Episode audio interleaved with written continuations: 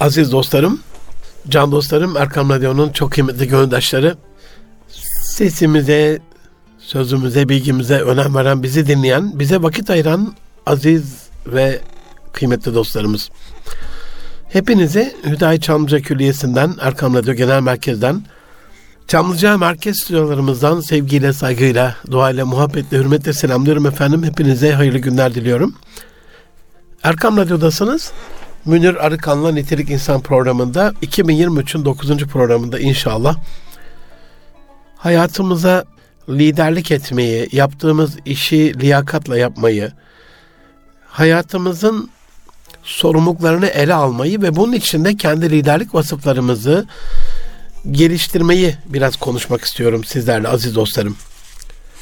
Bize ulaşmak isterseniz her zamanki gibi nitelikli insan et erkamradyo.com e-mail adresi ve et Münir Arıkan ve et Erkam Radyo tweet adresleri emrinize amadedir. Bilgimizi size sunarken gösterdiğiniz yolda yürümeyi, eleştirilerinizi, beğenilerinizi, önerilerinizi her zaman duymayı isteriz. Başımızın tacısınız. Can dostlarım, canımın içi dostlarım, candan öte canlarım. Sıkıntılı günler yaşıyoruz, acılı günler yaşıyoruz. Tam bir seferberlik halindeyiz. Acısı gönlümüze yakıyor ama acının içinde de hani o yıkılmadık ayaktayız duygusunu görebilmeyi, imeceyi, yardımlaşmayı, sevgiyi, muhabbeti, dostluğu, diyargamlığı, fedakarlığı, birbirinden ilginç hayat örneklerini bize nasihat niteliğinde ibretlik olayları görmek, yaşamak da acının içindeki bir anlamda ferahlığımız oluyor. Rabbim her başımıza gelen musibetleri içindeki sebeplerine idrak ederek, sebeplerine müdrik olarak bundan sonra gelebilecek musibetlerin önlenmesine vesile kılsın inşallah. Amin. Çok konuşuluyor. İşin devletle ilgili, devletin stratejileriyle alakalı, politikalarıyla alakalı, hükümetle alakalı, bakanlıklarla alakalı, kamuyla, yerel yönetimlerle, müteahhitlerle, STK'larla ve tabii ki mülk sahibi olarak bizlerle alakalı veya kiracı olarak yaşayanlarla ilgili, o şehrin sakinleri olarak bizlerle alakalı yönleri var. Çok yönlü bir olay ama en nihayetinde devlet dediğimiz şey fertten oluşuyor. Dolayısıyla ben bugün devleti bir tarafa bırakarak fert kısmında hani bir maddenin yapı taşları gibi atomlar olduğumuzu düşünelim. Hani atomların kalitesi, niteliği, özelliği o maddeyi oluşturuyorsa bir toplumda kendini oluşturan fertlerinden oluşuyordur. Biz genellikle bizimle alakalı kısmını değil de mesela eğitimle alakalı konuşuyorsak üniversite okullarla alakalı kısmını çok meşhur bir örnektir ya hani çok iyi bir not alınca işte ben 100 aldım, ben 10 aldım, ben peki aldım ama o derse çalışmayıp gönlümüzce uygun bir başarı yakalamadığımızda öğretmen bana sıfır verdi. Hani hiç kimse zayıf aldım, çalışmadığım için zayıf bir not aldım demiyor. Bu anlamda biraz çuvaldızı da iğneyi de kendimize batırarak fertlerden oluşan bu milletin, bu devletin bundan sonra yaşayabileceği problemlere bakış açısıyla alakalı o ferdin kalitesi nasıl artırılır? İşte burada da herhalde bu soruyu sorduğumuzda bütün insanlarımıza, vatandaşlarımıza ferden fert bir liderlik vasfı kazandırabilirsek herkes lider olmaz. Yani bu ülkesel liderliği kastetmiyorum. Ama bizim durumsal liderlik diye tanımladığımız, bahsettiğimiz hangi işi yapıyorsak yapalım. Hani sabahın erken vakitlerinde çıkıyoruz dışarıya temizlik görevlisi kardeşlerimiz sokağa süpürüyorlar. Çöp arabaları gecenin bir vaktinden başlayarak çöplerimizi alıyorlar. Şehrin kolluk kuvvetleri asayişi sağlamakla alakalı işte gecenin bekçileri var, gündüzün polisleri var. O oranın yöneticileri var. Esnafımız var, dükkanını açıyor. Orada bir taksi şoförümüz var kendi arabasında. Otobüs şoförümüz var. İşte otobüste yolcuları içeriye alırkenki tavrıyla, davranışıyla Bir dolmuş şoförü var yoldaki o sürüşüyle.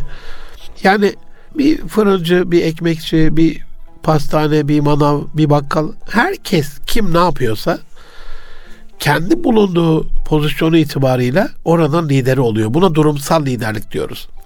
Hani herkes kendi kapısının önünü süpürdüğünde, temizlediğinde sokağımız tertemiz oluyor ya aynen öyle.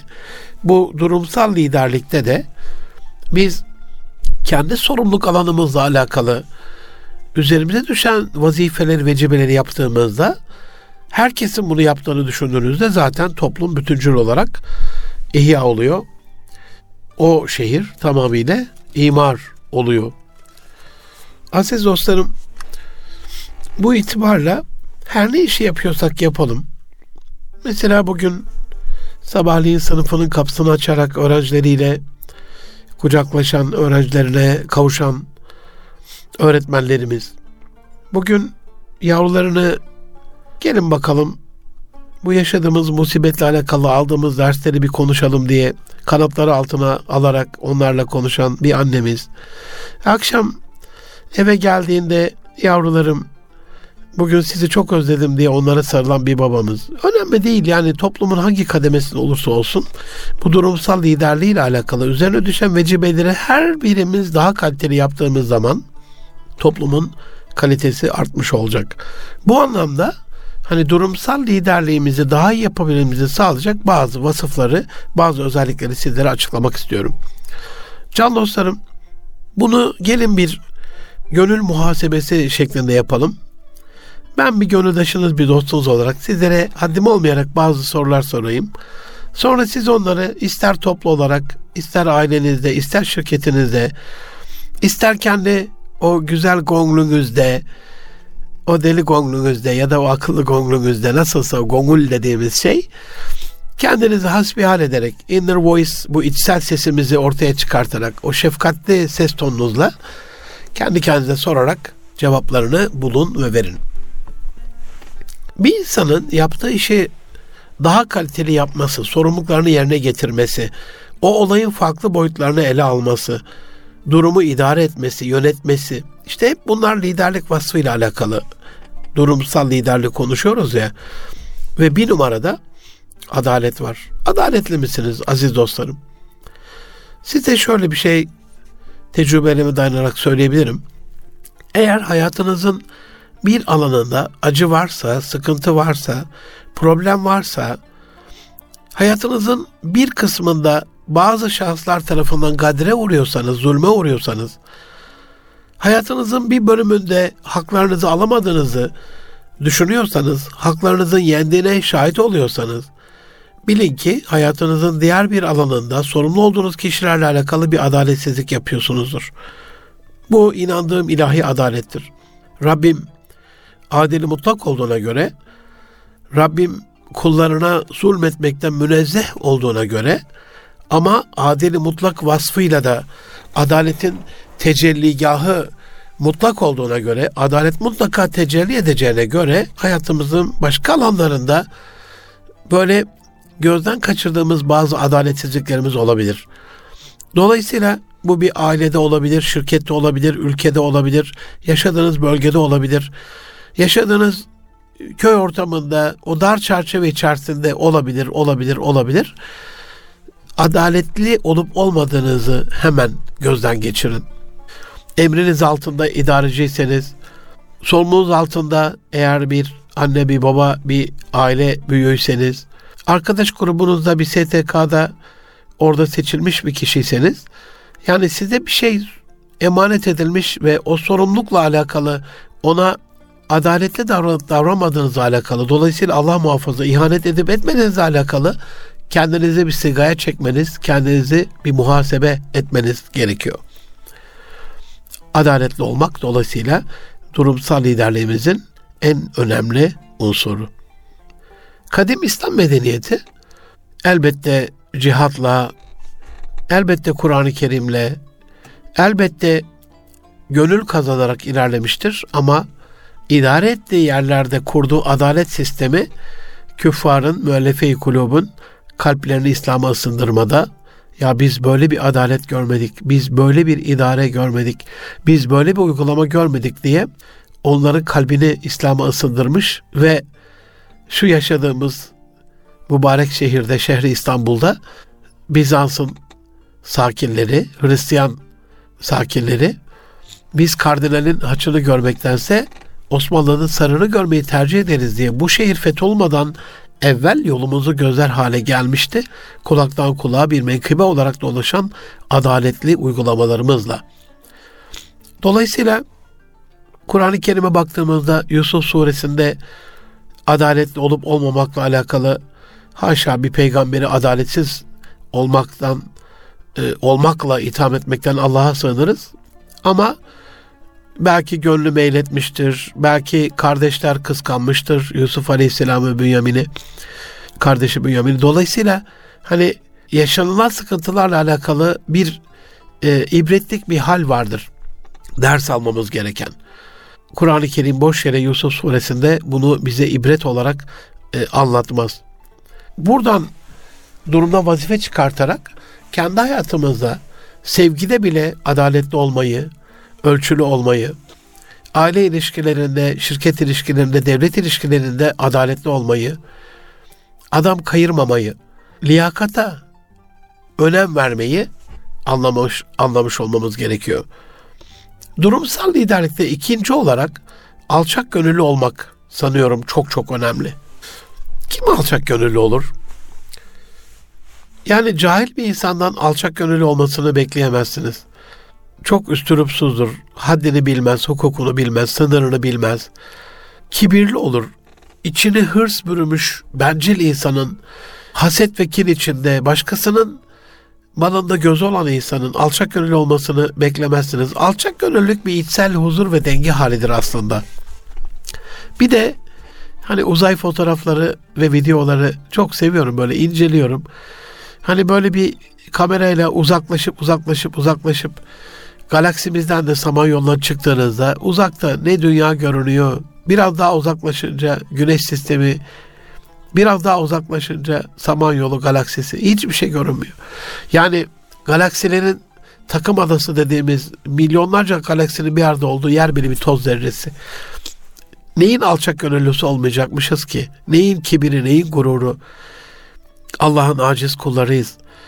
Bu anlamda yani kibirden, gururdan, kinden, hasetten, nefretten, gıybetten, gayızdan, her türlü çekememezlikten Allah'a sığınarak yani boynumuzu bükerek peki demek çok önemli. Sizin dediğiniz gibi olsun çok önemli. Teklife karşı teklife gelmemek çok önemli. E, evet güzel kıyafetler giyebiliriz, güzel arabalara binebiliriz, güzel evlerde oturabiliriz ama bunu bir kibir vesilesi, gurur vesilesi yapmamak çok önemli. Aziz dostlarım, ne olursunuz yediğiniz yiyeceklerle ilgili, kullandığınız araçlarla ilgili, oturduğunuz evlerle ilgili, orada yaptığınız kutlamalarla ilgili sağda solda çok üstürupsuz şeyler paylaşılıyor. Siz bu yanlışa düşmeyin ne olursunuz. Allah muhafaza gönle dokunur. Bir, bir garibin, bir mazlumun yıllar evvel şu anda Milli Eğitim Bakanlığı Bakan Yardımcımız olan Nazif hocamla, Nazif Yılmaz hocamla, Gökhan kardeşimle falan böyle Mahmut Zengin kardeşimle böyle bir Bulgaristan eğitim gezimiz olmuştu bir 15 günlüğüne. Oradaki okullarımızda, imam hatiplerde eğitimler yaptık. Diyanet'in desteklediği imamlarımızla alakalı, din görevlerimizle alakalı eğitimler yaptık. İmam hatiplerde öğrencilerimizle çok güzel seminerler yaptık. Orada tam bir, o dönemde de Türkiye'nin kuş gribinden kurtulduğu bir dönemdi ve mecliste bir resepsiyon verilmişti. Hiç unutmuyorum. Çok uzun böyle bir hatırlayın tavukların böyle itlaf edildiği, telef edildiği, yok edildiği bir dönemde. Ve böyle bir dönemin bitiminde hani artık yenebiliyor tavuklar artık güvenli e, imajını halka da vermek gerekiyor. Cumhurbaşkanımız o zaman başbakan. O da mecliste bir resepsiyon hani meclis restoranında uzun bir şey yapılmış böyle menü. Yapılan bütün yemekler tavuk ve onlar alınıp yeniliyor işte. Bir köyde gariban bir e, Türk amcamız yaklaştı. Evladım dedi ya. Başbakanımızla dedi çok yakın şeyleriniz var, temaslarınız var. Ne olursunuz selam hürmetlerimi iletin. Biz onu çok seviyoruz, canımızdan çok seviyoruz, ona çok güveniyoruz. Ama burada yılda bir kere ancak et yiyebilen garibanlar var. Böyle etlerin içerisinde o imajı verdiğinde çok farklı oluyor dedi. Aman Allah'ım. Tabii ki Cumhurbaşkanımızın böyle bir gösterişle, e, bir kibirle bir yemek yiyecek hali yok. Ondan sonra sanırım epey bir hani şey devlet programlarında gördüğüm kadarıyla o yemek yerkenki şeyler görüntü alınmıyor. Ee, çok da uygun olmuyor zaten. Yani bazı kendini bilmez orada ortamda bulunan insanlar olur olmaz birçok şey paylaşıp sosyal medyada bunu bak biz ne kadar yakınız Cumhurbaşkanımıza gibi yayınlıyorlar maalesef. Ama bunun da önüne geçilmesi gerekiyor diye düşünüyorum. Çocuklarınızla, eşinizle, ailenizle, akrabalarınızla, arkadaşlarınızla, çalışma arkadaşlarınızla şirketin böyle büyüklüğünü gösterecek gösterişli o bayi toplantıları, yıllık kongreler, konferanslar, seminerler bu tarz birlikteliklerde yani mütevazi bir şekilde paylaşabilir ama işte çok çarşaflı neler yaptığı bir şekilde gösteren elbette ameller niyetlere göre ama hani bana kalırsa paylaşmayın. Uzun bir dönemden beri ben de paylaşmıyorum. Hani ondan evvel her gittiğimiz yerle alakalı işte bugün bunu yaptık, bugün şunu yaptık gibi. Bilen zaten biliyor aziz dostlarım. Evet işin içerisinde bir pazarlama, bir marketing, bir tanıtım, ne yaptığımızla alakalı bir beyan e, olmalı. Bunu da zaten hani bir, bir şekliyle Rabbim duyuracaksa duyuruyor. İlla insanların hani gözüne sokarcasına e, ben buradayım ve ben ne muhteşem bir insanım dercesine bunu yapmanız çok kötü yemekleri, doğum günlerini, doğum günü pastasını, evlilik tekliflerini, nişan törenlerini, evlilik törenlerini inanılmaz bir şekilde orada alınan hediyeleri yani sosyal medyada insan inanın bakmaya utandığı gibi şu anda ben anlatmaya da utanıyorum. Ama detayları zaten malumunuz. Bu yanılgıya düşmeyin. Durumsal liderlikte kendi yaptığımız işin, kendi sorumluluk alanımızın kendi yetki çerçevemizin içerisindeki durumsal liderliğimizle alakalı üçüncü vasıf birleştiricilik özelliği. Ayrıştırıcı mısınız? Birleştirici misiniz? Rahmet peygamberi Hazreti Muhammed Mustafa sallallahu aleyhi ve sellemin ümmeti olduğumuza göre onun en önemli özelliklerinden bir tanesidir.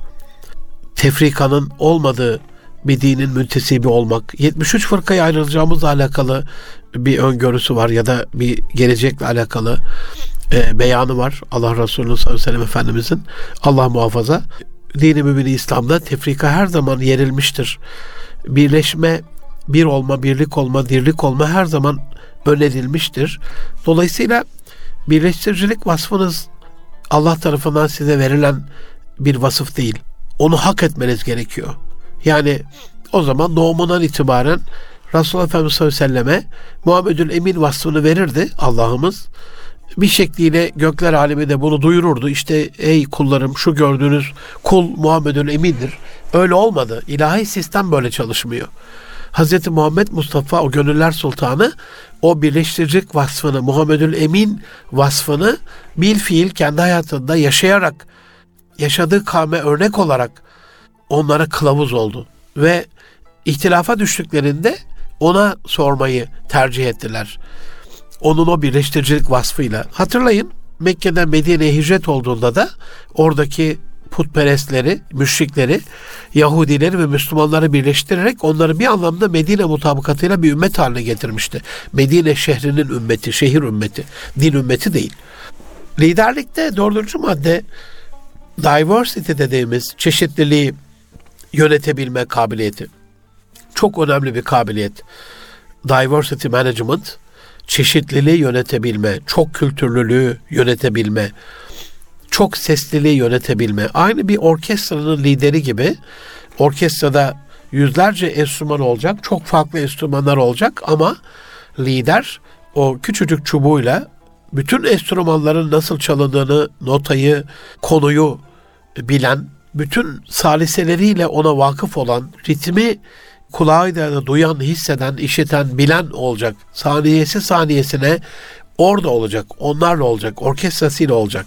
Yani çeşitliliği yönetme uzaktan kumandayla yöneticilik olmaz aziz dostlarım.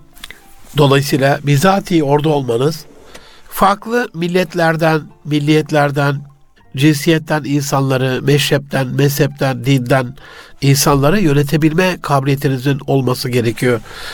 Dünya eskiden hani çok büyük bir dünyaydı. Şimdi küresel bir köy, global bir köy, minyatür bir köy haline geldi. Bir bakıyorsunuz Diyelim bir okulda çalışıyorsunuz. Çin'den bir öğretmen gelmiş. Malezya'dan bir öğretmen gelmiş. Pakistan'dan, Amerika'dan, İngiltere'den, Suudi Arabistan'dan, Dubai'den bir öğretmen gelmiş. Yani bir öğrenci de gelmiş aynı zamanda. Yani öğretmen gelmiş, öğrenci de gelmiş.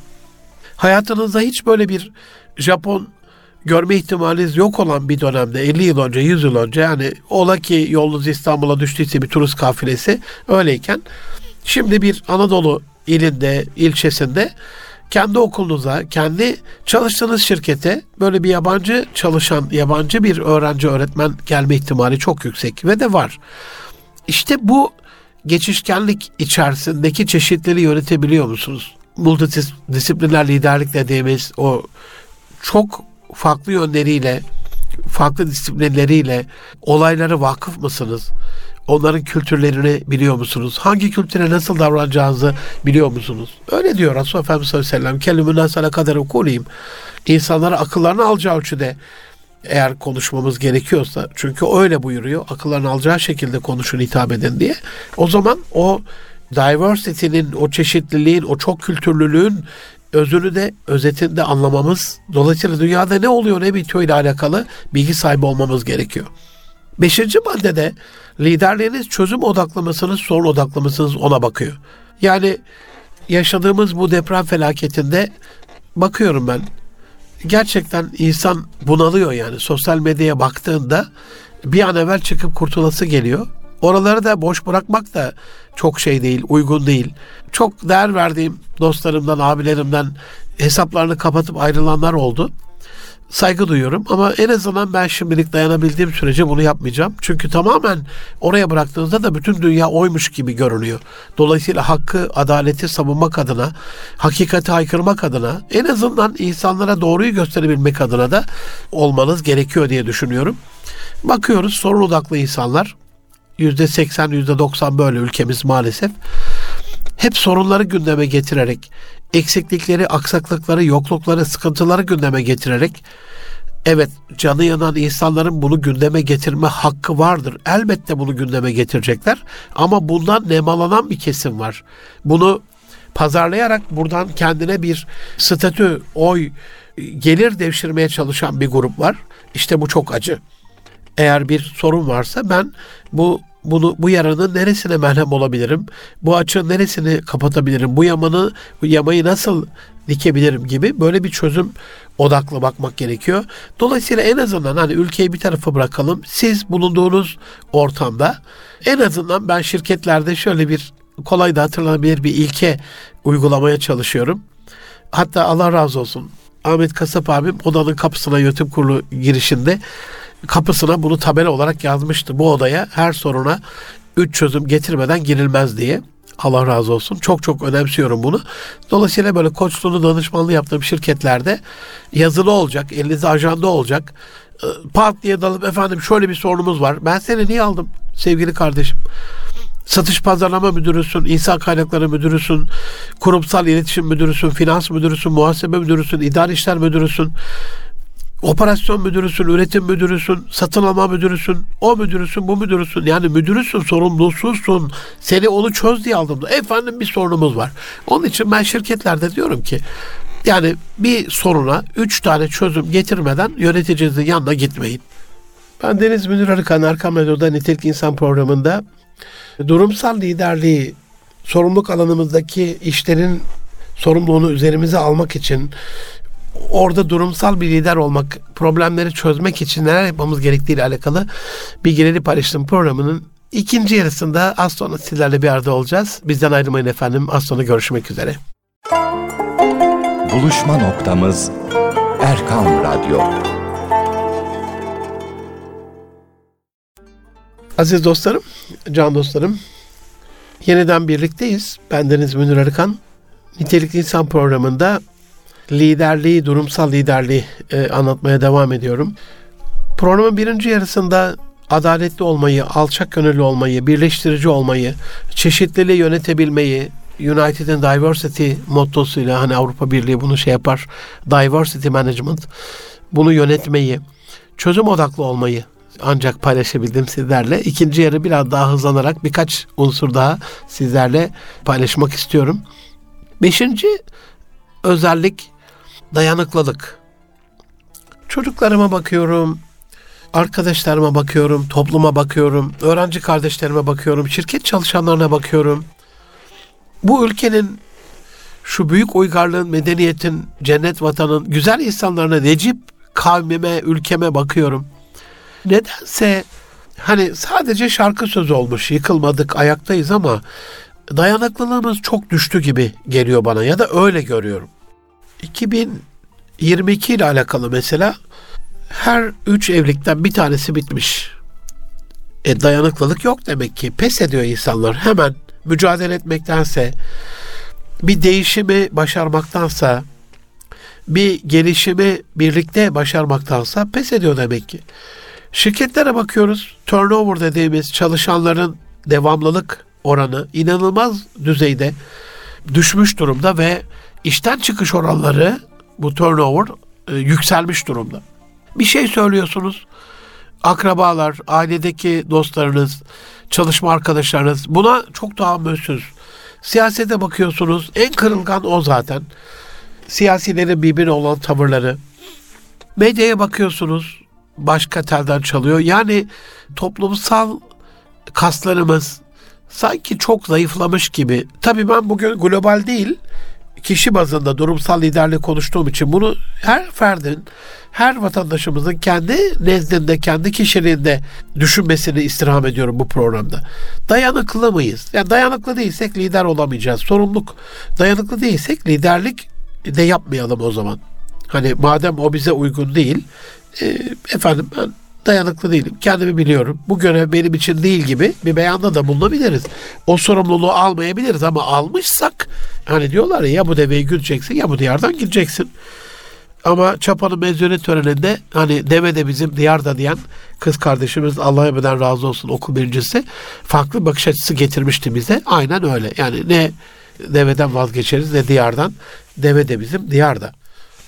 Can dostlarım dayanıklık biraz da hedeflerinizle alakalı bir şeydir. Yani büyük hedefler yoksa, büyük resmi göremiyorsa insanlar, geleceğe dair bir umutları yoksa niye niye bu kahrı çeksinler ki yani?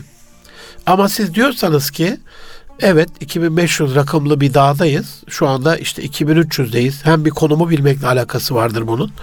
İşte 300 metremiz kaldı. 200 metremiz kaldı. 100 metremiz kaldı. Sonra zirveden sonra bu yokuşun bir inişi de olacak gibi. Evet biraz kemer sıkıyoruz ama işte 3 ay içerisinde inşallah biraz daha bütçe rahatlayacak. Evet şu anda bir miktar işler yoğun ama bu hep böyle olmayacak gibi beyanlarda bulunarak bu dayanıklık oranını artırabilirsiniz. Yedinci maddede liderliğimizle alakalı evet pes etmeyebiliriz, dayanıklıyızdır ama sonuçta da bir insanız. Hiçbirimiz süpermen değiliz. Dolayısıyla bütün işleri kendi nefsimize almak, bütün işleri bizde toplamak yerine delege etmek diye bir şey var. Delegasyon.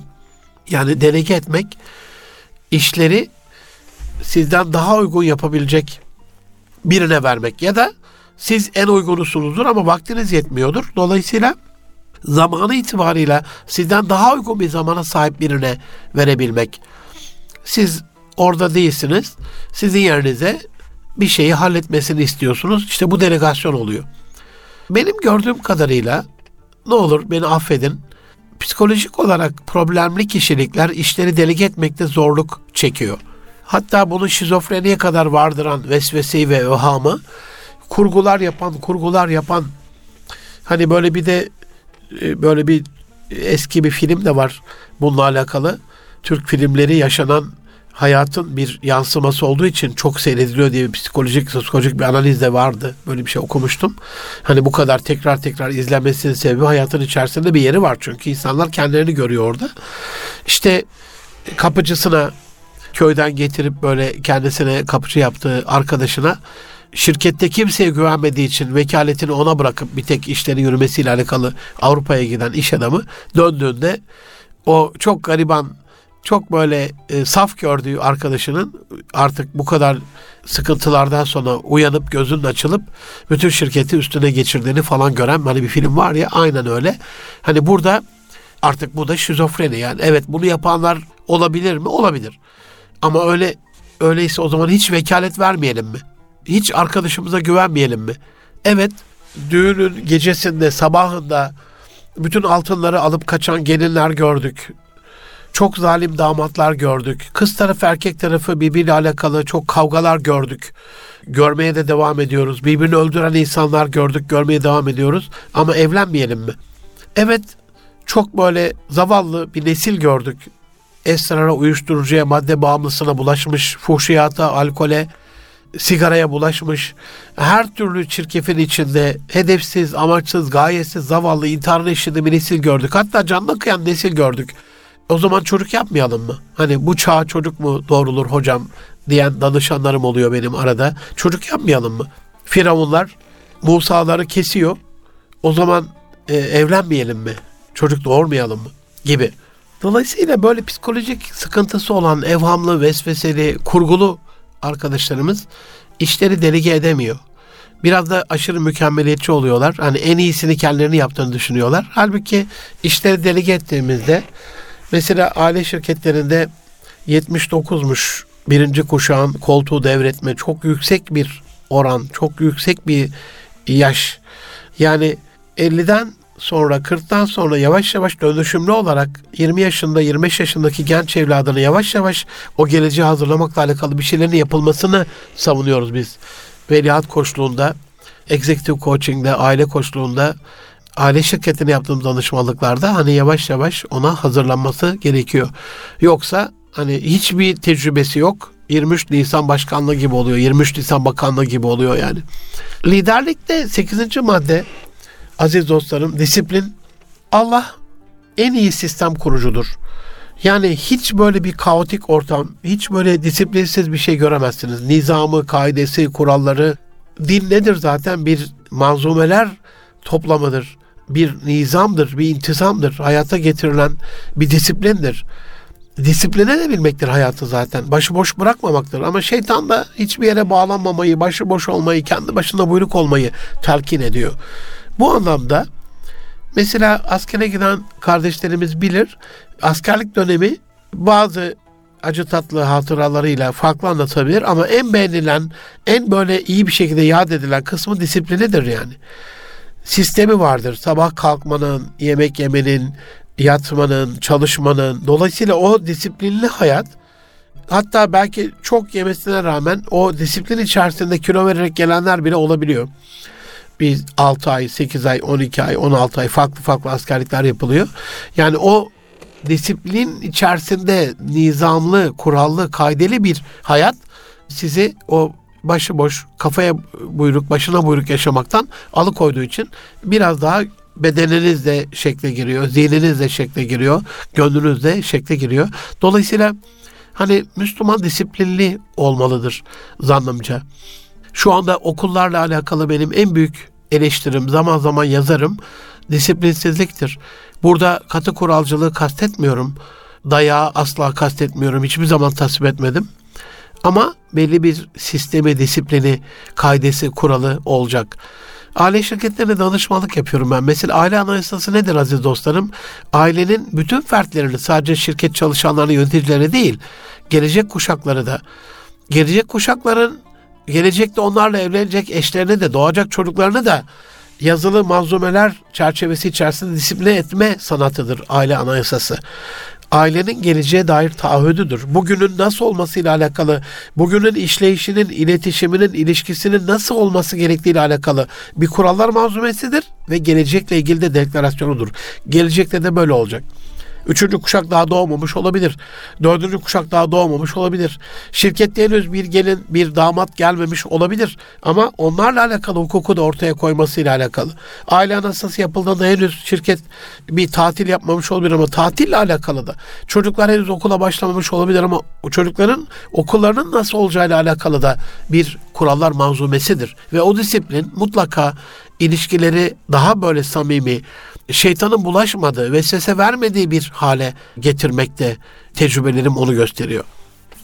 Can dostlarım, liderlikte dokuzuncu madde biraz böyle alfabetik gidiyorum. Kendi önem sırasına göre kendi gönlünüzde yerleştirebilirsiniz. Size göresinin nasıl olmasını istiyorsanız.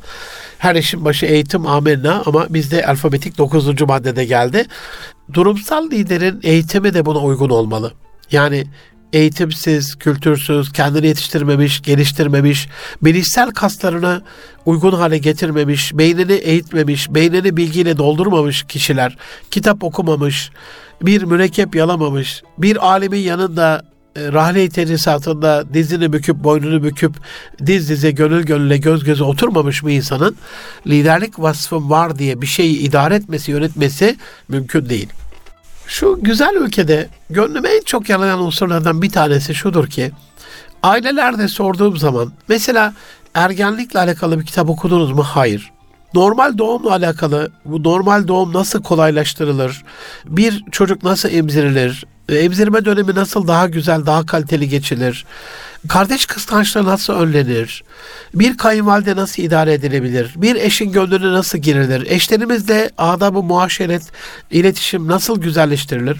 Konuları artırabilirsiniz ama seminerlerde özel özel böyle sorduğumda Bununla ilgili okudunuz mu? Hayır. Bununla ilgili okudunuz mu? Hayır. En sonunda ben artık patlıyorum. Dostlarım diyorum. Gökten vahiy inmesini bekliyorsunuz ki gökten vahiy indi yani. Allah Resulüne indi yani. Var olması gereken her şey söylendi. Sadece ona uymak gerekiyor. Ve orada da iki güne eşit geçen bizden değilse ilk emri bu dini mümin İslam'ın ikra oku emriyle ise allemel insane melem yalem o insanı bilmediğini öğrettiyse ellezî alleme bil kalem ve kalemle öğrettiyse ve allemel beyan bize beyanı güzel konuşmayı üslub hakimle konuşmayı öğrettiyse Allah e, demek ki burada güzel konuşmaya kendimizi bu konuda eğitmeye kaleme kitaba, deftere, not tutmaya, not almaya, özet çıkarmaya, yazılı bir kültür geliştirme ihtiyacımız var. Kalemsiz olmaz eğitim. Bazen ben okullara gidiyorum, seminere geliyor işte 8 kişilik, 1 kişilik gruplar. Kalemi kağıdı olanlar diyorum el kaldırsın. Bir kişi çıkıyor, iki kişi çıkıyor. O gelip dinliyorlar kuzu kuzu. Eğitim öyle olmaz ki. Mutlaka bir akıl defteriniz olacak yanınızda, bir ajandanız olacak, bir kaleminiz olacak yanınızda.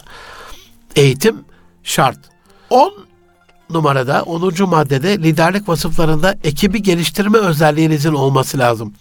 Yani bir sürü bir sürü kişisel özelliğiniz, güzelliğiniz olabilir ama lider ekibini geliştiren kişidir. Mesela ailede lider eşini, çocuklarını geliştirendir. Şirkette lider çalışanlarını geliştirendir. Belediyede lider çalışanlarının yeteneğini, kapasitesini, kabiliyetini geliştiren kişidir. Kamuda kaymakamlıkta, vilayette, bakanlıkta, genel müdürlükte hangi seviyesinde olursa olsun idarenin, merkezi yönetimin ekibini geliştiren kişidir. Burada şirketlerin ya hocam biz bu eğitimleri sık sık yapıyoruz diyen bir şirketin ne zamandan beri böyle eğitimler alıyorsunuz diye sorduğumda hocam işte bir 6 yıl önce falan da almıştık falan e sık sık yapıyormuş yani. Halbuki bakıyoruz dünyanın en gelişmiş şirketlerine, en başarılı şirketlerine hani haftalık eğitim saatleri iki buçuk üç saate yaklaşıyor. Dünün güneşiyle bugünün çamaşırı kurumadığı gibi dünün bilgisiyle de bugünü yönetmek çok mümkün değil can dostlarım. Can dostlarım bunun tabii ekibi geliştirmenin bir de sorumluluğu da var.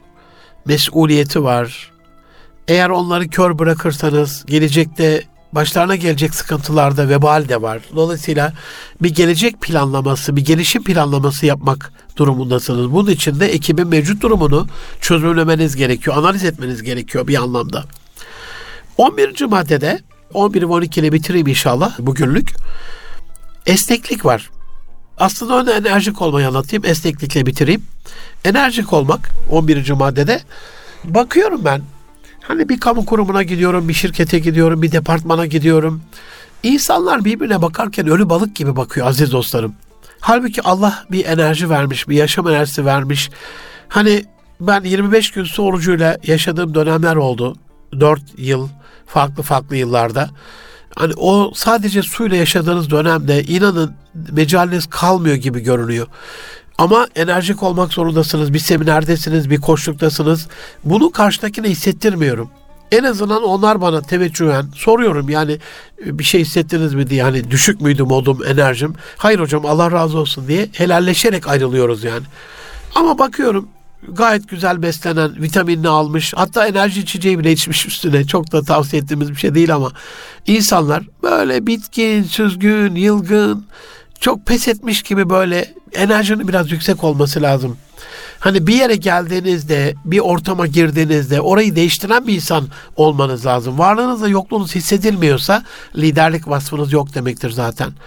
Lider yokluğu aranan, varlığı varlığımızı armağan olan, bize bir şey katan, yokluğunda yolu gözlenen kişidir yani. Ah keşke olsaydı falan dedirten kişidir. Baki kalan hoş sedasıdır lider. Ve son olarak bugün 12. maddede durumsal liderler esnek olmak zorunda. Esneklik en güzel liderlik vasıflarından bir tanesi. Hudeybiye'de görüyoruz bunu. Hazreti Ömer Efendimiz hani bu yıl hac yapmayacağız geri dönelim diye e, sahabe-i kiramı topladığında Hazreti Ömer Efendimiz itiraz, itiraz ediyor. Resulallah Medine'den çıkarken sen bizi hac yapacağız demedin mi? Ey Ömer evet dedim hac yapacağız ama bu yıl yapmayacağız. Ve o yıl esnek davranarak geri döndükleri için haşa haşa inat yaparak, savaşı göze alarak, birbirini öldürmeyi göze alarak Mekke'ye girerek büyük bir katliama vesile olabilirlerdi. Esneklik birçok sahabe-i kiramın İslam kaynaklarında bize çok sahih rivayetleri ileten, hayatlarıyla bize örnek olan o güzide insanları yaşatma imkanı sağlamıştır oradaki esneklik. Evet geri dönmüşlerdir. Evet bir anlaşma olmuştur. Şartları da çok ağır bir anlaşma olmuştur ama Allah Resulü o esnekliği sayesinde olabilmiştir. Bazen ben bakıyorum şirketlerde hocam benim kırmızı çizgilerim var diye böyle ahkam kesen insanlar çok başarılı olamıyorlar. Bu ilkesizlik değil, dik duruştan vazgeçmek değil. Diklenmeden diklenmek de dik durabilmek de çok önemli. Evet kaideleriniz vardır, kurallarınız vardır, prensipleriniz vardır ama bunu bir dakika arkadaş benim bazı prensiplerim var falan diye böyle tepeden inmeci bir şekilde değil. Bir gönül insanı olduğunuzda onlar zaten sizin prensiplerinize uyacaktır yani. Rus çarının tarihimiz Şeyh Şamil'e ibriyle abdest aldırdığını anlatır yani. Ona yaşam hakkı tanıdığını, onu ahir ömründe ya bir kere bir hacca gitmek istiyorum diye izin istediğinde düşünsenize yani. Baş düşmanınızı salı veriyorsunuz yani. Bir dini vecibesini yerine getirsin diye. İşte bu o insanın karakterini, kişiliği gösteriyor. O kişiliği çok rigid olarak, katı kurallı, kuralcı olarak, net çizgileri belirlemek adına böyle kırmızı çizgilerin üstüne vurgu yaparak bencillik gibi anlaşılır. Bu sefer karşının gönlüne giremezsiniz. O esnekliktir siz o karşının gönlüne. Allah Resulü öyle diyor işte bazen öyle bazen böyle. Hep sürekli dinden, Allah'tan, imandan konuşarak böyle bir sofilik olamaz hayatımızda. Dünyalık da vardır. Ölmeyecekmiş gibi, hiç ölmeyecekmiş gibi dünya için ama yarın ölecekmiş gibi ahiret için çalışmak. Beynel hafif ve raca. Korkuyla ümit arasında bir hayat. Biraz öyle biraz böyle bir hayat. Günahsızlık yok. Günah hemen arkasından hemen tevbeli bir hayat. Dolayısıyla lider dediğimiz esnek olabilen, kayıpları öngörerek kay, daha fazla kaybetmeden çekilmesini bilen, uygun şartları kollayan, ne zaman atak yapacağını bilen böyle dil gibi olan aslında lider diş gibi değil. Kırılgan işte dişimiz kırılıyor çatır çutur. Ama dil ömrümüzün sonuna kadar bizimle beraber. Can dostlarım siyaset şöyle ya da böyle olabilir. Yaşadığımız durumlar, içinde bulunduğumuz şirket, yaşadığımız aile şöyle ya da böyle olabilir. Ama en sonunda kendi nefsimizden sorulacağımız için ferden fert ferd olarak liderlik vasfımızı geliştirmemiz gerekiyor. Bugün biraz buna değinmeye çalıştım. İnşallah yaşadığımız bütün sorunların içerisinde kendi kişisel liderlik vasfımızı çok kaliteli, nitelikli, yetenekli, becerikli bir hale getirerek durumdan vazife çıkartıp biz de şahit olduğumuz problemleri çözmekle ilgili bir şeyler yapabiliriz. Bu çorbada bizim de bir tuzumuz olabilir. İnşallah bulunduğunuz ortamlarda liderlik vasfınızı kullanarak daha fazla katkı sağladığınız ve nihayetinde güzel bir iz bırakarak baki kalan kubbene hoş seda olduğunuz bir gelecek diliyorum. Allah'a emanet olun. Hoşça kalın can dostlarım.